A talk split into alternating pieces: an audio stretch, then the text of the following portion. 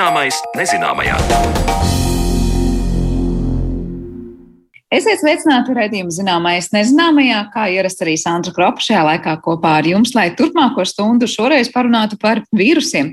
Kā nu kurš ar prieku vai piespiedu kārtā, bet mēs šī gada laikā esam nevis atkārtojuši bioloģijas stundās mācīto, nu vai vismaz esam centušies to izdarīt. Dažbrīd liekas neticami, kā ekspansīvo cilvēku dzīvi uz šīs planētas ir izmainījis viens sīks mikroorganisms, kuru bez mikroskopa nemaz nevar ieraudzīt. Kas tad ir vīrus un kāda ir vīrusu loma dabā? Par to šodien raidījumā raidījumā, bet pirms tam palūkosimies vairāk uz vakcīnu izstrādi. Vīrusu izraisītās saslimšanas cilvēkam nav nekas svešs, un arī vakcīnas pret tām jau ir labi zināmas. Laika gaitā gan mainījušies principi vakcīnu izstrādē, un pret kādu saslimšanu tā arī nav izdevies vakcīnu radīt. Kāpēc tā un kas būtu jāzina par pašlaik tik aktuālo Covid-19 vakcīnu mehānismu, to skaidro devās mana kolēģa Mariona Baltkalna. Lai radītu vakcīnu, nepieciešams tuvāk izpētīt infekciju izraisošo organismu, un šāda izpēte sākusies jau pirms vairākiem gadsimtiem. Tā bijusi aktuāla arī pēdējā gada laikā, kad zinātnieku sadarbības rezultātā tapusi vakcīna pret koronavīrusa radīto saslimšanu Covid-19. Turpmāko stāstu lielā mērā veltīsim atšķirībām dažādu Covid-19 vakcīnu starpā un to izstāstīt palīdzēs profesors Kaspars Stārs. Bet pašā sākumā būtiski noskaidrot, kāpēc pret vienu vīrusa saslimšanu iespējams strauji radīt jaunu vakcīnu, kamēr pret citu saslimšanu, par kuru zināms jau gadiem, tas tā arī nav izdevies, un te kā piemēru var minēt HIV infekciju. To skaidro Kaspars Stārs nu, attiecībā uz to izpēti, jā, ir tā, ka tiešām, lai radītu tādas modernās vakcīnas, kas ir pieejamas šobrīd, piemēram, mRNS vakcīnas vai tās adenovirus vektoru vakcīnas, tur patiešām tas organisms diezgan pamatīgi jāizpēta, kā minimums jānosaka viņam tā genoma sekvence. Protams, ka 19. gadsimta beigās nekas tam līdzīgs nebija iespējams. Cilvēki nemaz nezināja, ka tādas lietas vispār eksistē. Jā. Bet, nu, tās vakcīnas ir daudz un dažādi veidi. Jā. Viens tā klasiskā vakcīna ir saucamās vai nu novājināt vīrusu vakcīnas vai inaktivētu vīrusu vakcīnas. Tas nozīmē to, ka mums ir jāsaražo tas pats vīrus, un pēc tam attiecīgi vai nu mēs viņu kaut kā tur novājinām vai nogalinām pavisam, un tā tad arī ir tā vakcīna. Ja, un, lai radītu šādu veidu vakcīnu, tur nav tik daudz nepieciešams zināt par to vīrusu. Jā, attiecībā uz HIV vīrusu, jā, tur patiešām vakcīnas nav. Nu, tur tie iemesli ir vairāk, kāpēc nav. Un tas galvenais iemesls, laikam, ir tāds, ka, nu, lai izveidotos eh, organismā imūnā atbilde, kā vakcīnas rezultātā ir nepieciešama spēcīga imūnā sistēma. Jā, bet HIV vīrus viņš jau uzbrūk tieši imūnās sistēmas šūnām. Jā. Tātad, tas ir viens no tiem iemesliem, nu, un arī HIV vīrus viņš arī ļoti mainīgs. Jā. Daudz straujāk mainās nekā šīs pats koronavīrus. Jā, nu. Un, teiksim, bez HIV vīrusa ir vēl varbūt zināms kāds vīrus, pret kuru tā arī nav izdevies atrast vakcināciju. Hepatīta C vīrusu vēl varētu nosaukt arī, bet tur ir tas galvenais iemesls, laikam, ir ārkārtīgi strauji mainīgs. Pat vienā cilvēkā, vienā organismā tur veidojās daudz un dažādi šie varianti. Ja, tas, laikam, vēl būtu jāpiemina. Bet tur tieši tā mainība ir tas noteicošais faktors. Runājot par gripas vakcīnām, jā, tādas ir. Taču atkal ņemot vērā gripas vīrusa straujo mainību, vakcīnu efektivitāte ir krietni zemāka salīdzinājumā ar Covid-19 vakcīnām. Koronavīruss īstenībā ir samērā pateicīgs objekts, es teiktu, vakcīnas eh, radīšanai. Tur ir pilnīgi skaidrs šis mērķis, ja, tas S proteīns, tas spīķa proteīns saucamais, ja, viņš tomēr mainās samērā lēni. Priekš RNS vīrus, jā, mēs tagad zinām, ir daudz un dažādi varianti, tur Anglijas varianti, Dienvidāfrikas, Brazīlijas, Indijas un, un, un tā tālāk, un patiešām tur eh, tās vakcīnas varbūt nestrādā tikpat efektīvi kā pret to izejas eh, vīrusu, bet nu, viņas tomēr darbojās, ja, jo visi šie varianti, ja, neskatoties uz to, ka viņi, jā, viņi ir, viņi atšķirās, bet viņi visi ir joprojām 99,9% identiski savā starpā. Ja. Mm. Par koronavīrusu tas ir ribonukleīna skābi jeb RNS saturošs vīrus, un to raksturo uz āru izvirzīti proteīna pīķi, kas klāja vīrusa virsmu. Šie faktori tad bijuši būtiski Covid-19 vakcīnu izstrādē, un šīs vakcīnas apliecina, ka nevienmēr pret vīrusa izraisītu saslimšanu cilvēka organismā būtu jāievada novājinātas vīrusa daļiņas, iespējami arī citi mehānismi. Nu, nav obligāti jāievada visu tā vīrusu daļiņu. Varam ievadīt kaut kādu sastāvdaļu. Jā, teiksim, tagad tam pašam koronavīrusam, jā, viņam tāda ļoti tāda uzreiz pašsaprotama sastāvdaļa ir tas virsmas pīķa proteīns. Jā. Mēs varam ievadīt tikai šo proteīnu vai pat tikai daļu no šī proteīna, un tad cilvēku organismā radīsies antivielas pret to, un tikpat labi strādās arī pret pašu vīrusu. Pie šī jautājuma, es domāju, mums arī kaut kā jāsaliek informācija pa plauktiņiem, jo es savā prātā skaitīju, nu, cik tagad to vakcīnu veidu veidu ir un līdz ar to, cik dažādi ir tie iedarbības mehānismi. Jo es skaitīju tad AstraZeneca un Pfizer BioNTech, Moderna un tad Johnson Johnson, Sputniks un tad vēl kaut kādi atsevišķie valstu varianti. Cik tagad ir mums tie vakcīnu veidi zināmi un cik līdz ar to ir daudzi šie atšķirīgie iedarbības mehānismi, kurā gadījumā tie ir tie proteīni, kurā gadījumā inaktivētas vīrusu daļiņas? Mm -hmm. Nē, jebkurā gadījumā, lai arī par kādu no šiem vakcīnas veidiem mēs nerunātu, ideja ir radīt imūnu atbildi pret šo pīķu proteīnu. Ja? Tātad, jebkurā gadījumā viņš kaut kādā veidā organismam ir jāparāda ja, šis pīķu proteīns. Un tas, kas atšķirās, ir tas veids, kādā mēs to izdarām. Ja? Mēs varam viņu injicēt jau gatavu šo proteīnu, vai nu viņu pašu atsevišķi, vai arī kā novājināt vīrusu sastāvā, vai arī likt organismam pašam viņu uztaisīt. Tātad eh, tās klasiskās vakcīnas, tās būtu tās inaktivētā vīrusu vakcīnas. Tādas šobrīd lietošanā ir tātad ķīnieši ir tādu uztaisījuši, un arī Indijā ir radīta eh, šāda vakcīna. Ja? Bet tās nav tās, kas pie mums šobrīd būtu, kas saka, nopērkams. Ja? Tad, ja mēs gribam to pīķa proteīnu kā tādu uh, uzrādīt organismam, tad uh, ir kompānija Novavax, kas ir izstrādājusi šādu veidu vakcīnu, bet tā arī, cik es zinu, vēl pagaidām nav lietošanā. Kaut gan tur jau ir tie klīniskās pāris rezultāti trešās pieejami. Ja? Bet tās, kas ir pie mums un arī vispār rietumu valstīs, tad tur ir divi veidi šīs vakcīnas. Tātad ir adenovīrus vektoru vakcīnas, pie tām būtu pieskaitāma AstraZeneca un Johnson Johnson. Un arī tas pats eh, Sputniks V. Un tad ir šīs mRNS vakcīnas, un tās tātad mums ir eh, Pfizer eh, un Modernas vakcīnas. Vīrus pats jau arī neko nevar uztaisīt. Viņš izmanto to mūsu šūnas, to mašinēriju, lai pats sevi uztaisītu. Tā skaitā arī šo pīķu proteīnu. Kā viņš to dara? Viņš iebaro tai šūnai savu to genomisko RNS, un tad no tās RNS tiek uztaisīti visi tur tie vajadzīgie proteīni, tā skaitā arī tas eh, pīķu proteīns. Eh, un tas, ko dara vakcīnu izstrādātāji, viņi paņem šo RNS, tikai viņi paņem tikai to vienu gabalu, kas tikai to pīķu proteīnu kodē, nevis visu vīrusu, ja? un to iebūrot tam šūnām. Tālāk eh, šūna vienkārši uztaisa to, to pīķu proteīnu, un tad eh, pret to attiecīgi veidojas imūnā atbilde organismā.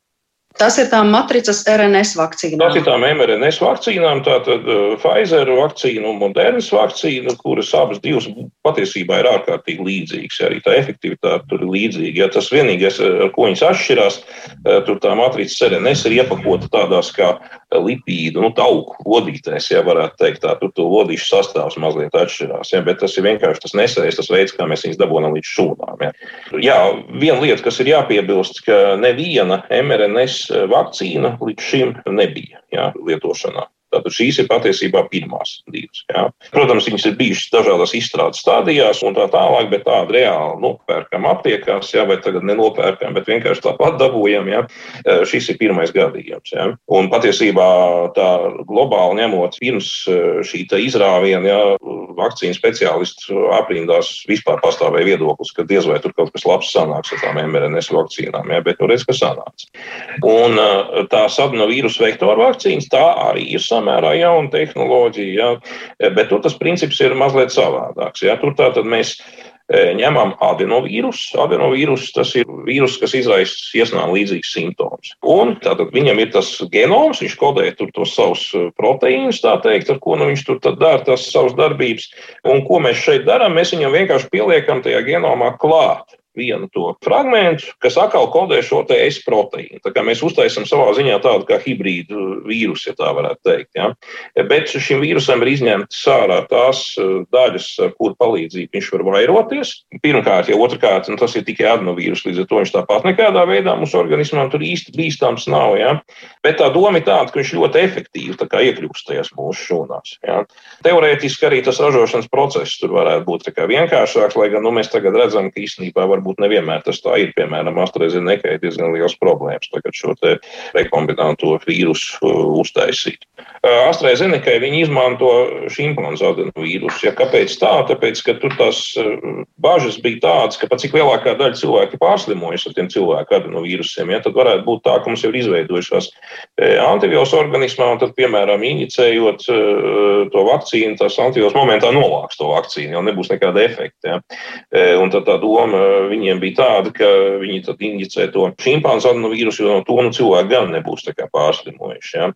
Savukārt, tur tas Sputņika V, tur viņam tā ideja bija mazliet savādāka. Patiesībā tā pirmā un otrā vakcīnas komponenta mazliet atšķirās. Ja. Viņiem tur ir pirmo reizi ir tā saucamais 26. adenovīrusu tips izmantots, un otrajā reizē tas 5. adenovīrusu tips. Ja. Tad, nu, pirmkārt, mēs samazinām risku. E, nu, varbūt cilvēks nav slimojis ar abiem, ja. un otrkārt, mēs tie otrajā reizē pastiprinām to imūnu atbildi tieši pret to, kas mūs interesē, tieši pret to pīķa proteīnu, ja nevis pret tām pārējām adenovīrusu e, sastāvdaļām. Bet tehnoloģija ir visām šīm trijām vakcīnām, ja, tātad gan AstraZeneca, gan Sputnik V, gan arī e, Johnson Johnson vakcīnai. Un īsnībā tagad ķīniešiem ir arī vēl viena vakcīna, ja, arī adenovīrusu vektoru vakcīna. E, viņas visas ir ļoti līdzīgas. Ja salīdzinām savā starpā adenovīrusa vektora un mRNS vakcīnas, tad atsaucoties Kaspara Tāra teiktajam, starp tām teorētiski nevajadzētu būt lielai atšķirībai, jo gala rezultāts ir vienāds - organisms ierauga to pašu proteīnu. Iespējams, atšķiras šūnā saražotais proteīna daudzums, un praktiski gan šī procentuālā efektivitāte starp vakcīnām mazliet atšķiras. Pfizer un Moderna vakcīnām ieņemot vadošo lomu efektivitātes ziņā. Tāpat nav iespējams pateikt vienu konkrētu iemeslu, kāpēc vienas vakcīnas gadījumā vai pēc konkrētas potēšanās reizes kādam cilvēkam rodas blaknes, bet kādam ne. Profesors norāda, ka Pfizer un Moderna vakcīnas gadījumā blakus reakcijas varētu veidoties pret tauku lodīti, kurā iepakota mRNS, taču tas var būt ļoti individuāli un blaknes var neveidoties nemaz. Tomēr aizspriedumi gan pret adenovīrusa vektora, gan mRNS vakcīnām ir novērojami joprojām, un Kaspars Stārs tālāk skaidro, kāpēc tam īsti nav pamatojuma. Nu, es neredzu īpašu pamatu satraukumam, jo tāpat lielākā daļa cilvēku ir izslimojuši šo adenovīrusu tādu vai citādi. Ja, no riesnām mēs visai bieži slimojam. Tas gan nav no tiem izplatītākajiem iesnu vīrusiem. Iesnu vīrusi tātad izplatītākie ir rinovīrusi, ja, starp citu arī tie paši koronavīrusi, tikai ne šīs, bet cits, ja, bet arī tie adenovīrusi ir. Nu, es esmu diezgan pārliecināts, ka 90% no Latvijas iedzīvotājiem noteikti kaut kad ir dabūjuši šo adenovīrusu, ja, un padomājuši, iesnas vien ir. Ja, nu, tā mēs tā tad nebaidamies. Ja, bet tagad no tās vakcīnas, nes kāpēc baidamies. Pie tam vēl šajā vakcīnā tas vīrus jau nav īsti aktīvs. Viņš ir aktīvs tādā ziņā, ka viņš var iekļūt šūnā ja, un kaut ko tur uzproducēt šo pīķa proteīnu, ja, bet viņš nevar vairoties. Ja, līdz ar to es domāju, tur nekādām īsti bažām pamata nav. Par tām mRNS vakcīnām vispār. Nu, tā ir RNS, tā nav DNS. Viņa nekādi nevar integrēties mūsu genomā iekšā. Ja. Mūsu genoms ir DNS. Ja, tad, tad tas diezko nav iespējams. Ja. Mm. Otrakārt, arī nevajag iedomāties, ka šī vakcīna iekļūst mums visās organismu šūnās. Ja tas notiek ļoti lokāli, tur, kur nu, mums plecā inicē, ja tur dažās šūnās tā tad iekļūst, nu, cik nu dažās, ja, bet nu, ļoti niecīgā šūnu skaitā pret visu organismu šūnu skaitu. Ja. Un tad tās šūnas mums sāk producēt to pīķu proteīnu. Un tad, kad tā imunitāte jau ir izveidojusies, es saprotu, ka arī tas RNS patiesībā tiek noārdīts. Jā, es domāju, ka arī tās organismu šūnas, tieši tās, kurā ir injicēta, tās arī visticamāk iet bojā, jo imunā sistēma jau atpazīst tās šūnas kā, nu, savā ziņā kā inficētas. Jā. Un tas hibridizētais vīrus, adenovīrus vektoru vakcīnās arī tā kā ar laiku noārdītos? Jā, jā, protams, protams. Bet, jebkurā gadījumā cilvēkiem vismaz Latvijā nav jāuztraucas, ka viņiem vadīt iekšā vīrusa daļiņas. Tas bija tas, par ko bija visvairāk satraukums. Tad, tad tādas vakcīnas ir, bet Latvijā tās izmantotas netiek. Jā, tās ir Ķīnā un Indijā radītās vakcīnas, bet tur jau arī, nu, pa ko tur arī tā uztraukties. Viņš jau tas vīrus ir inaktivēts, nonāvēts. Teorētiski pastāv tā saucamās novājinātā vīrusu vakcīnas, jā, bet šajā gadījumā tādas nemaz nav. Jā. Izstrādes stadijās laikam tur bija kaut kāda, bet katrā ziņā līdz licencēta vēl neviena nav, nu, tad varētu iztēloties, ka viņš varētu mēģināt revertēties apakaļ pa to bīstamo tipu tādu. Šajā gadījumā tas nevar notikt īstenībā. Viņš jau ir inaktivēts. Jā. Nu, tur, protams, var teikt, varbūt ražošanas procesā kāds viņu tur nav līdz galam inaktivējis un tā tālāk. Nu, jā, un tas, protams, arī ir iespējams. Bet patiešām par to mums nevajadzētu satraukties kaut vai tā iemesla dēļ, ka mums nav šīs vakcīnas nemaz. Par pretvīrusu vakcīnām un atšķirīgiem Covid-19 vakcīnu darbības mehānismiem stāstīja profesors Kaspars Stārs, ar kuru attālināti tikās mana kolēģe Mariona Baltkalna. Bet raidījuma turpinājumā pievērsīsimies vīrusu daudzveidībai pasaulē.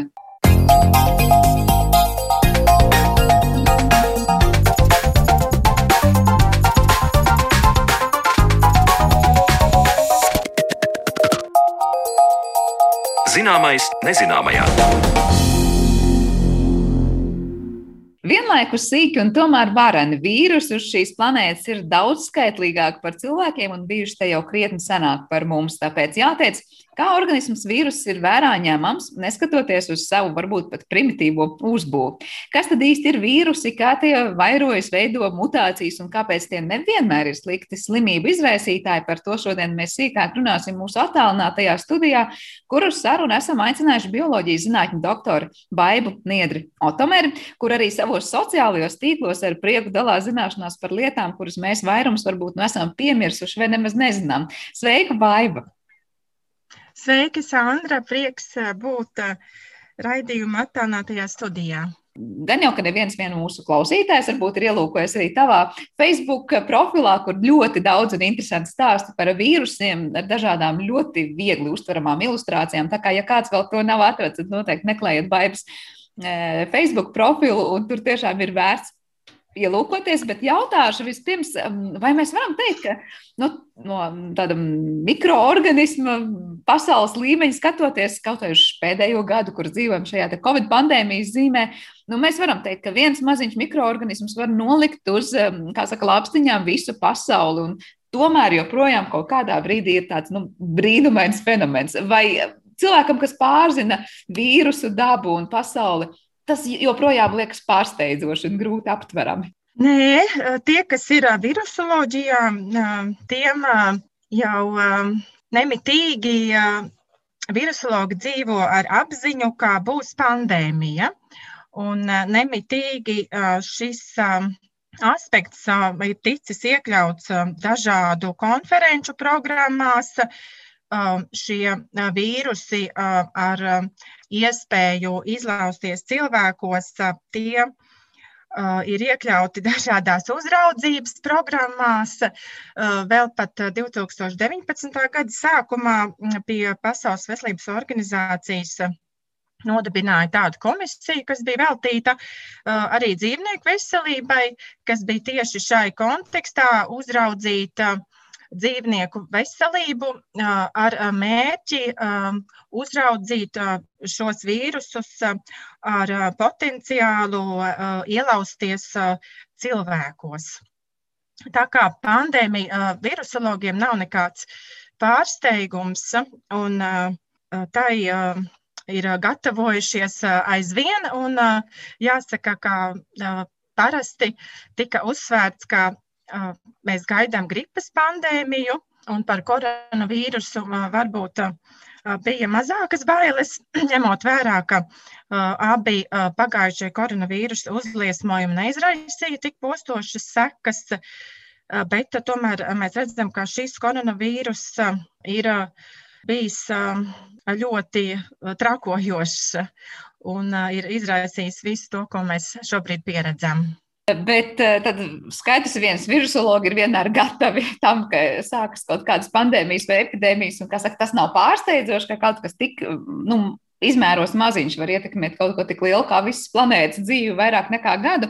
Un tomēr jautājums, cik daudzveidīga patiesībā ir šī vīrusu pasaule. Nu, piesauc tikko pati gan gripu, gan arī koronavīrusu, un tomēr tie ir tā kā, nu, ja mēs salīdzinātu ar cilvēkiem, pilnīgi dažādu rasu pārstāvju, vai tas ir kaut kas ļoti līdzīgs, tikai viens ar tumšiem matiem, otrs ar gaišiem matiem? Nu, vīrusu pasauli savā daudzveidībā uz zemeslodes nepārspēja pilnīgi nekas. Uh, ja mēs uh, Zinām, ka cilvēka genoms sastāv no, no dubultspiralizēta DNS, tātad spirālītes dezoksiribonukleīna skābes savīt, savītas kopā, tad vīrusi savā ģenētiskā materiāla daudzveidībā ir ārkārtīgi daudzveidīgi. Tad tie var būt gan tā kā mūsu cilvēka genoms, gan šī savī, savītais kopā DNS, gan varbūt viena pavadiena DNS, vīrusi, varbūt arī RNS, tātad ribonukleīna skābes um, saturoši. Un šis RNS arī var būt gan dubultā, tā kā divas lentītes salikt kopā, gan arī viena pavadiena RNS kā viena, viena lentīte. Un kas vēl interesantāk, ka, piemēram, gripas vīrusam šī viena lentīte var būt sadalīta vēl astoņos fragmentos. Un koronavīrusam, piemēram, šis RNS genoms ir viena pavadiena lentīte, un tādi, tādi genomi ir arī, piemēram, poliovīrusam un ebola, ebolas vīrusam. Jā, tas bija tas, kas manā skatījumā, ka tur pierā, piemēram vēl daudz. Jā. Bet es zināju, tad, kad uh, zinātnieki pēta, nu, kurš vīrus ir kurš un kurš varbūt ir jau pazīstamāks un mazāk pazīstamāks, viņi skatās šīs lentītes vai, vai, vai vēl kaut ko pilnīgi citu, kas no kura atšķirās vīrusu. Jā, vīrusus zinātnieki sadala gan pēc to genomiem. Jā, tas ir viens no um, priekšnoteikumiem, kā var uh, sadalīt, uh, iedalīt vīrusus, tos klasificēt, kā mēs skatāmies, uh, ko vīrusi satur uh, savā genomā. Jā, tas ir viens no priekšnoteikumiem vīrusu iedalīšanai. Bet tad, kad mēs runājam par šiem dažādajiem paveidiem, nu, pēdējā laikā mēs runājam par Covid, jā, nu tad tur Indijas variants vai Lielbritānijas variants. Tas arī par to, kā mēs skatāmies, kas tajās lentītēs vai genomā ir iekšā, vai tur ir vēl citas atšķirības un tur ir daudz sarežģītāk tā lieta. Nu, te ir um, atkal ļoti interesanti, jo Um, ja mēs atkal skatāmies uz koronavīrusu, tad um, uh, koronavīrus ir um, RNS vīrus, un uh, šis vīrus savā vairošanas uh, procesā šūnā nav tāds redaktors, kas iziet cauri kļūdām. Un, vīrusa genomu kopiju veidošanas procesā veidojas kļūdas. Tas ir nejaušs process, Tas nav mērķiecīgi vadīts, tas ir nejaušs process, un mēs eh, arī skatāmies, ka mutācija veidošanās ir eh, ģenētiskās daudzveidības eh, avots. Nu, un vīrusu populācijā, ja mēs skatāmies uz ikvienu covid slimnieku kā tādu vīrusu populācijas mājvietu, tad tajā mīt ļoti dažādi vīrusa varianti. Un sastopoties ar dažādiem apstākļiem, izvirzās vienmēr tāds variants, kas apstākļos, kādi viņam nu, ir tur priekšā, jūtās labāk, veselīgāk, spēcīgāk. Un RNS vīrusi ir, var uzskatīt, ka tie ir vieni no Nekas nepārspēja RNS vīrusus evolūcijas ātrumā. Neviens organisms uz Zemes nevar pārspēt RNS vīrusus to mainībā un pielāgošanās spējā. Cik ātri viņi mainās un evolūcionē? Nu, es saprotu, ka katrā cilvēkā ienākot tas vīrus jau pēc tam ir pilnīgi cits, kad, tad, kad piemēram, cilvēks inficē tur nākamo. Jā, tā var būt. Uh, tas, kas nāk ārā, tas bieži vien ir jau atšķirīgs nekā cilvēkā ienāca. Ar to mēs sastopamies arī aids vīrusa gadījumā, jo aids gadījumu, jo uh, HIV vīrusa uh, pacienti tiek ārstēti ar dažādiem pretvīrusu preparātiem, un momentā uh, veidojās dažādi varianti, kas spēja izvairīties no šo preparātu darbības. Un tas pats notiek ar koronavīrusu.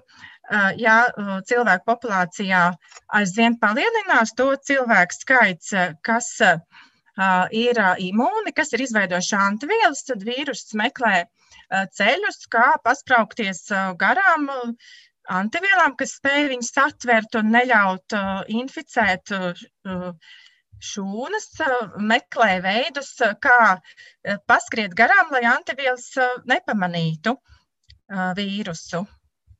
Tā kā tas nozīmē, ka patiesībā pasaulē nav divu pilnīgi vienādu vīrusu. Viņi ir tik, cik cilvēki, tik, tik dažādu variāciju. Variācija ir ļoti daudz. Katrā cilvēkā veidojas RNS vīrusu gadījumā daudz ļoti dažādi vīrusu varianti. Tas, ko pieminēja par to mm, antivielu, es saprotu, ka arī savā Facebook profilā ielūkojoties ļoti tēlēni aprakstīja tādu kā mīlestības trīsstūri starp šūnu, vīrusu un, un antivielu. Vai varētu nedaudz pastāstīt mūsu klausītājiem, kas varbūt nav to skatījušies, pamat pamatā, vai tiešām mēs varam to procesu noraksturot kā tādu tiešām savstarpēju attiecību kārtošanas scenāriju, tad, kad iesaistās starp diviem vēl trešais, un tas tiešām ir tāda cīņa par vīrusu uzmanību, ja tā var teikt. Jā, man uh, pašai uh, šī analoģija ienāca prātā, uh, kad es rakstīju par šiem vīrusu variantiem. Un tā ir tā cīņa starp trim kurš kuru vai, vai antivielas satvers vīrusu, vai saistīsies ar vīrusu, vai arī vīrusa virsmas adatiņa būs, jeb šis virsmas proteīns būs tik ļoti izmainījies, ka antivielas vairs to nepazīs un vīrus piesaistīsies šūnai. Jo sastopoties ar antivielām, tātad tas ir tie ir tie ārējie tie, tie apstākļi, kas, eh, kas eh, vīrusam ir jāpiedzīvo. Eh, sastopoties ar to, šajā daudzveidīgajā vīrusu populācijā izvirzīsies tādi, kas spēs paskriet garām antivielām, lai antivielas nesaķertu to vīrusu. Un, sāks dominēt pār, pār citiem variantiem. Tā kā tā ir tāda nemitīga uh, miedarbība. Bet pašos pamatu pamatos sanāk, ja kamēr mēs skatāmies, tajā aprakstā arī bija minēts, ja vīrus ar savu adatiņu, var teikt, ir tāds viens spēlētājs un blakus ir mūsu šūna, kas ir tā kā šī vīrusa nu, mērķis, ja? var teikt, ka tās tā kā nu, tādas attiecības starp šūnu un vīrusu Un tajā brīdī, kad parādās šīs antivielas, tas ir kaut kas pilnīgi no malas, kas mēģina pievērst šo vīrusu uzmanību uz sevi un apmānīt vīrusu, sakot, es esmu tā šūna, ko tu meklē. Tā var teikt. Proti, pasargājot tādā veidā, lai, lai vīrus neiekļūst mūsu šūnās, ka ir kāds trešais spēlētājs, kurš izliekas par vīrusam tik ļoti, nezinu, mērķēto gala mērķi, kas patiesībā ir kā nu, strupceļš vīrusam. Antivielas ir ļoti sadarīgas ar vīrusa virsmas olbaltumvielu, ar tieši to, pret kuru antivielas ir izveidotas. Un šī ir ļoti ideāla sadarība, un sastopoties ar antivielām, vīrus uzreiz ar tām saistīsies. Vīrusa virsmas olbaltumvielā uzreiz būs tik ļoti perfekti sadarīgi ar antivielām, kā uzreiz saistīsies, un vīrus vairs netiks klāt šūnai, jo tā vietiņa, ar ko vīrus parasti piesaistās pie šūnu virsmas molekulām, to būs aizņēmusi jau antivielu molekula tā vieta ir aizņemta un tā nekur nepakāpjas malā. Tajā brīdī var teikt, ka nu, tas ir tāds eh, mehānisms, kā mēs varam iedomāties, kas notiek mūsu organismā, ja mēs, piemēram, savakcinējamies. Mums vairāk nāk šo palīgu prā, eh, talkā, kas, kas to vīrusu mazliet dezorientē un novada strupceļā. Jā, eh, tā ir vakcinācijas būtība. Viens no vakcinācijas mērķiem ir ierosināt neutralizējošās antivielas. Tādas antivielas, kas saistīsies ar vīrusa virsmas olbaltumvielu un neļaus vīrusam inficēt šūnu. Tieši tā. Ja mēs runājam par pašu to vīrusa dzīvi kā tādu, nu mēs, tie, kas varbūt atcerās bioloģijas stundās, mācītos, ka nu, vīruss, kamēr nav tas organisms, kurā dzīvot īsti jau nu, neko, neko, neko īsti izdzīvot nevar. Un tā ir tāda interesanta dzīvības forma. Kā tas īsti sanāk? Nu, kā tad ir jāskaidro tā vīrusa būšana dzīvam vai nedzīvam. Sanāk, vīrus ir dzīves tikai tad, kad ir kāds dzīves, kurā viņš sāk dzīvot, bet kamēr viņš nokļūst līdz tam dzīvam organismam, nu, vai pilnīgi nedzīvs organisms to varētu izdarīt? Kā, kā tā skaidrošana un tā mazliet dīvainā situācija sanāk? Šis ir tas jautājums, ar ko parasti sākās ikviena virusoloģijas kursa lekcija, ikvienā pasaules universitātē, vai vīrusi ir dzīvi. Vīrusi ir dzīvi tikai kopā ar savu šūnu, vai tā būtu augu šūna, vai tā būtu eikariotiskā šūna, vai tā būtu baktērija, vai tā būtu kāda sēne. Vīrusi ir dzīvi tikai kopā ar savām šūnām, kurās tad tie izpaužās.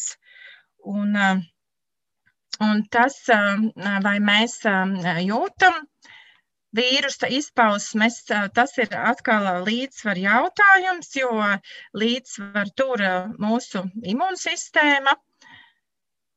Ja līdzsvars ir izjaukts, tad saka, ka vīrus izraisa slimību, bet uh, ir arī ļoti daudz tādu vīrusu, kas uh, dzīvo mūsos, un mēs nemaz nejūtam, ka mums uh, ir uh, vīrusu dažādība. Uh, un uh, tagad arī uh, ļoti daudz runā ne tikai par mikrobiomu, kas ir veselīgās baktērijas, kas uztur mūsu organismu funkcijas formā, bet arī par, par viromu.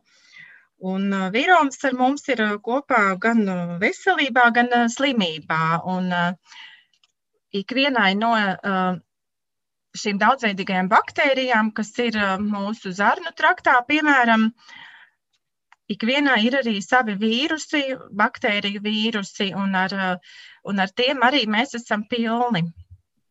Tā kā sanāk, mūsos ir līdzīgi gan kā labās un sliktās, kā mēs sakām, baktērijas, tā labie un sliktie vīrusi. Tieši tā. Um, Daudzas uh, mēs nejūtam, daudzi dzīvojās šūnu kodolā, atstatus no chromosomām, Ir tāds teiciens par herpes vīrusu, ar ko atšķiras īsta mīlestība no herpes vīrusa, ar to, ka herpes vīrus ar mums ir uz mūžu. Daudz ir vīrusi, kas ir jau iekšā mūsu chromosomās. Ir tādi cilvēka endogēno retrovīrusi, kas tiek pārmantoti no paudzes paudzē Eh, un tie eh, ir eh, šo vīrusu genoma fragmenti ir mūsu dzimumšūnās, un tos mēs nodosim saviem bērniem, un tos mēs esam mantojuši no saviem vecvecākiem, un tie ir tā kā sens, sens sveiciens no sendienām, no sen, senām retrovīrusu infekcijām. Bet ko tās mūsu organismam nu, nodara vai dod tajā gadījumā, ja mēs tās pārmantojam? Es nezinu, tas ir slikti, ka tas ir kaut kāds šis retrovīrusa senie sveicieni, tie traucē mums dzīvot. Tie var izraisīt uh, problēmas. Uh, tie var sākt šad tad lēkāt pa chromosomu, un tad var izjaukt kādu gēna funkciju. Nu, tā vīrusu pasaule katrā ziņā ir tik ļoti daudzveidīga, ka es pieņemu, ka arī paši vīrusu pētnieki specializējas, vai ne, kurš atbildēs par kuru veidu vīrusiem vai kādu veidu funkcijām. Tur tāda darāmā ir daudz, bet, uh, ja mēs vispār tā runājam nu, par to, jā, dzīves līdz brīdim, kamēr ir šūna, ar ko kopā dzīvot vīrusiem. Tomēr daudziem parasti ir jautājums, kāda ir vīrusu loma dabā? Nu, vai tas ir kaut kas jāuztver kā nu, sliktais, kas mums uzglūna, no kā vienmēr ir jātiek vaļā, un tā ir, diemžēl, šīs pasaules, nu, kaut kāda fiziskās pasaules nepilnība, ka tāda mums ir. Vai tomēr tiem vīrusiem tajā vispār kopīgajā bildē nu, ir kaut kāda niša un funkcija, kur bez viņiem īsti nemaz nu, lietas nenotiek, kā būtu jānotiek? Zinu vienu tikai arī tādu triviālu piemēru. Uh, Ir vīrusi, kas veido simbiotiskas attiecības ar dažām mikro, mikroskopiskajām sēnēm, kas savukārt ir nepieciešamas vienam otram augam. Un tad, ja to vīrusu noņem nost, eh, tad redzams, ka augam vairs neklājas tik labi, un arī eh, šai sēnei, kas ir veidojusi atkal šo simbiotiskās attiecības ar augu, arī vairs neklājas tik labi. Tā kā mēs varam runāt par eh, šādu draudzīgu kopā sadzīvošanu. Un arī ir viens otrs pētījums, kas rāda, ka vīrusiem kas dzīvo mūsu zarnu traktā, mm, arī ir loma eh, zarnu bākstiņu veselības nodrošināšanā. Tāpat kā baktērijām, arī viens otrs vīrus eh, piedalās eh, zarnu trakta veselības uzturēšanā. Jā, nevelti mēs tur runājam par mikrobiomu kā veselu pasauli, kas ir ļoti daudzveidīga. Mums katram pat unikāla, jauna un vajadzīga. Tas ir vairāk kā skaidrs. Tur, protams, daudz ļoti interesanti. Bet varbūt tās pavisam triviāls jautājums un droši vien smieklīgs no malas tiem, kas uh, ir ar bioloģiju uz tu. Uh, Nevelti piesauc arī vīrusu un baktērijas, vīrusu un sēnes. Mēs ļoti bieži vienkārši esam mikroorganismi, un tie ir visi tie maziņie un ar aci nesaskatāmie. Varbūt pavisam vienkārši savā būtībā, ar ko vīrus atšķirsies no sēnes un vīrus atšķirsies no baktērijas. Vīrus atšķiras savā būtībā ar to, ka uh, Lai vairotos, vīrusam ir nepieciešama dzīvā šūna.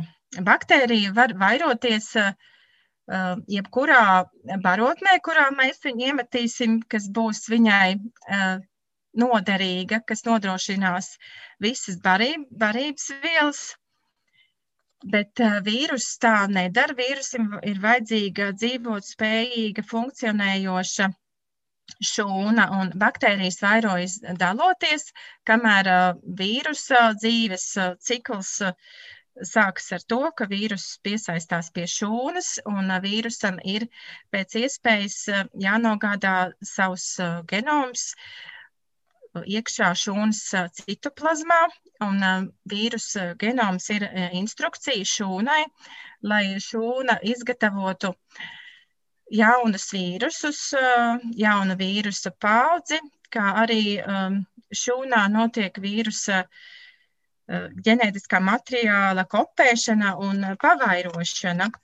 Tā kā tās ir tās pamatlietas, kur atšķirās vīrus ar baktēriju.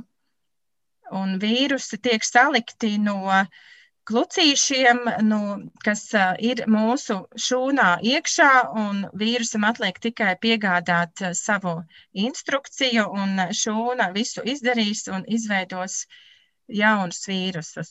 Bet tam man vienmēr liekas jautājums tāds pārsteidzošs, un mēs vienmēr zinām, ka, ja kāds nu, ļoti parazitē uz kādu otru rēķinu, un, un, un tas otrs iet bojā, tad tam, tam pirmajam nav izdevīgi. Un kā tas nāk vīrusam? Viņa eksistence ir svarīga šī šūna, šī dzīvā šūna, un tajā pašā laikā, tad, kad cilvēks, piemēram, saslimst ar kādu no vīrusiem, viņš, viņš bojā šo cilvēku vispār organismu. Un var teikt, nu, ja, piemēram, vīrusu saslimšanas dēļ cilvēks iet bojā, tad vīrusam arī ir aizgājis bojā vispār tā viņa lielā māja un viss vis viņu varbūt eh, tuvākā apkārtne. Kā tas notiek? No vienas puses, vīrusam ir vajadzīgs kaut kas dzīvs, bet viņš no vienas puses strādā tā, lai tas dzīvais drīz kļūtu nedzīvs. Nu, tā pavisam vienkārši runājam. Ir dažādi vīrusi un ir dažādas eh, vīrusu stratēģijas. Uh, Citiem patīk iemitināties mūsu šūnās, klusītiņām, tur uzturēties. Mēs nemaz viņus nejūtam. Tas ir atkal jautājums par to līdzsvaru, bet citi ir tādi, kuru darbības rezultātā atkal mūsu imūnsistēma, kas ir šī līdzsvara uzturētāja, iziet no līdzsvara un uh, sāka darboties pārāk aktīvi, un šī imūnsistēmas pārāk aktīvā darbošanās uh, ir arī viens no slimības uh, izraisīšanas iemesliem. Uh, arī koronavīrusa infekcijas gadījumā šī aktīvā imūnsistēmas darbība ir, ir tā, kas uh, izraisa slimību Jo vīrus pats par sevi, mēs nevaram runāt, ka vīrus kaut ko grib vai negrib. Tā vienkārši uh, ir, ka uh, viena vīrusu gadījumā imūnsistēma tur vīrusu tā, kā vīruss dzīvo klusiņā. Tāpat mēs varam atsaukties atkal uz koronavīrusu, kā ir asimptomātiskās infekcijas. Imūnsistēma notur vīrusu, lai mēs to nejustu. Un uh, ir gadījumu, ka imūnsistēma sāk strādāt pārāk aktīvi, un tad jau sakam, ka mēs esam slimi. Tad sanāk tā, ka vīrusam ir izdevīgi turēt to līdzsvaru ar mūsu imūnsistēmu un, nelikt manīt, ka, ka mēs sasirgstam vai jūtamies slikti. Brīžos, kad mēs slimojam, arī, arī vīrus, var teikt, ir pārstāvs pār svītru, vai precīzāk viņam nav izdevīgi, ka šī imūnsistēma neuztur to līdzsvaru mūsos. Jā, vīrus labprāt dzīvojās mūsu šūnās, taisnība.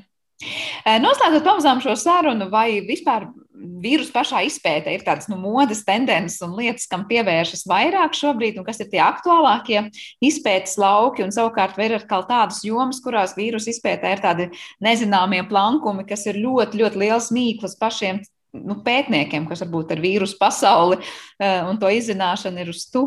Šobrīd noteikti ļoti daudz grupas ir pievērsušās koronavīrusam, pat, eh, pat tās, kas eh, iepriekš nebija strādājušas pat eh, ne ar vienu elpošanas ceļu vīrusu. Tā noteikti ir visaktuālākā tendence. Un pētīti pat tiek tie vīrusi, kas jau ir apkaroti ar vakcīnām, piemēram, poliovīrus, vēl joprojām tiek aktīvi pētīts. Tā kā vīrusu pētniecībā avoti neizsīks nekad. Un uh, ik viens vīrus un ik viens uh, vīrusa dzīves uh, cikla process aizvien tiek uh, aktīvi pētīts. Uh, gan tas, kā vīrus tiek transportēts no uh, šūnas uh, membrānas uh, uz citoplazmu, gan uh, tas, kā notiek vīrusa gēnu pavairošana. Uh, ik viens vīrusu dzīves cikla process, ikvienam vīrusam joprojām uh, nezināmie aspekti tiek pētīti. Jā, kā mēs sarunu iesākām, kaut kas izmēros tik maziņš, bet eh, tik no vienas puses arī nezināms, lai arī daudz par vīrusiem jau ir zināms, joprojām daudz interesantu lietu, ko izzināt. Es domāju, ka netrūks. Lielas paldies par šo sarunu, tādu nelielu ieskatu tajā, kā vīrusu dzīvo un cik ļoti dažādi ir to pasauli. Un atgādināšu mūsu klausītājiem, ka mūsu attālinātajā studijā šodien viesojās bioloģijas zinātņu doktora Baiba Niedra Otomeri. Ar to arī šis raidījums ir izskanējis, un par to teikšu paldies producentei Paulai Gulbinskai un mūzikas redaktoram Girtam Bišam. Atgādināšu, ka jums šajā stundā kopā bija Sandra Kropa, un mēs tiekamies atkal rīt, un mūsu raidījumu tāpat var dzirdēt ne tikai Latvijas Rādio 1 ētrā, bet arī populārākajās podkāstu vietnēs. Lai mums visiem jauku dienu un uz tikšanos!